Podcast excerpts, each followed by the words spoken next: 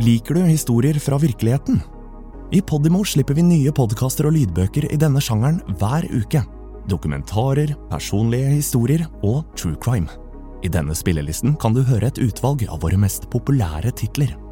Podimo. Podkast og lydbøker i én og samme app. Det er en varm sommerdag. En sånn som kan gjøre heten uutholdelig innenfor fengselsmurene, der vinden ikke får tak. Trond Einar Frednes sitter overfor meg inne på det trange besøksrommet. Stor og bredskuldret, med kraftige never som ligger flatt mot bordplaten på hver side av en bunke papirer. Jeg la merke til navnet hans allerede da jeg fikk sommerjobb ved Larvik politistasjon i 1994. Det dukket stadig opp i vaktjournaler og rapporter. De første anmerkningene dreide seg om butikktyverier, ulovlig mopedkjøring og skadeverk. Jeg kom tilbake i fast jobb året etter, var sakene blitt mer alvorlige – hytteinnbrudd, båttyverier og enkelte voldssaker. Han hadde blant annet skutt en kamerat med et luftgevær. Lensmannsbetjenten som hadde hatt ham inne på kontoret den gang, fortalte at han hadde sittet og ledd under hele avhøret. Hun mente at den tøffe 15-åringen var en vi kom til å få problemer med framover. Hun fikk rett. Det begynte å komme inn tips om grovere tyverier, narkotikasalg, våpentrusler. Navnet hans sto med fete, røde bokstaver når det ble søkt fram i etterretningsregistrene.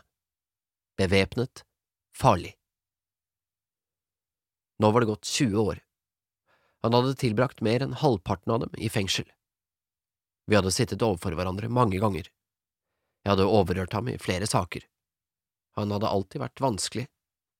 Til å begynne med fulgte han advokatens råd og sa ingenting.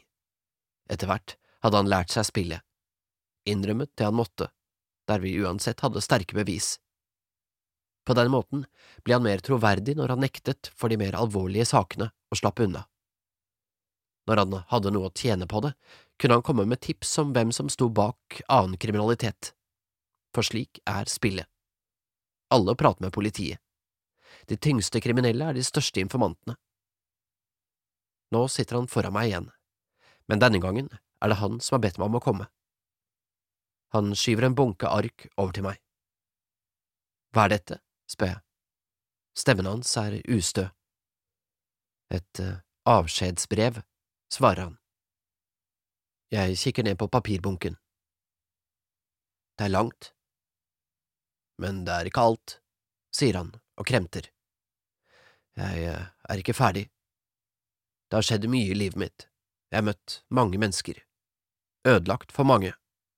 Det tar tid å forklare alt sammen. Jeg vet hva han vil.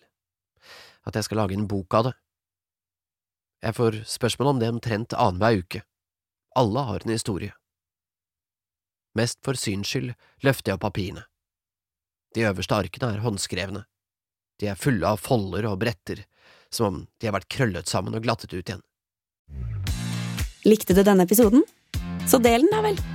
Fortell en venn hva du hører på, og gi følelsen av god lytting i gave til noen du bryr deg om.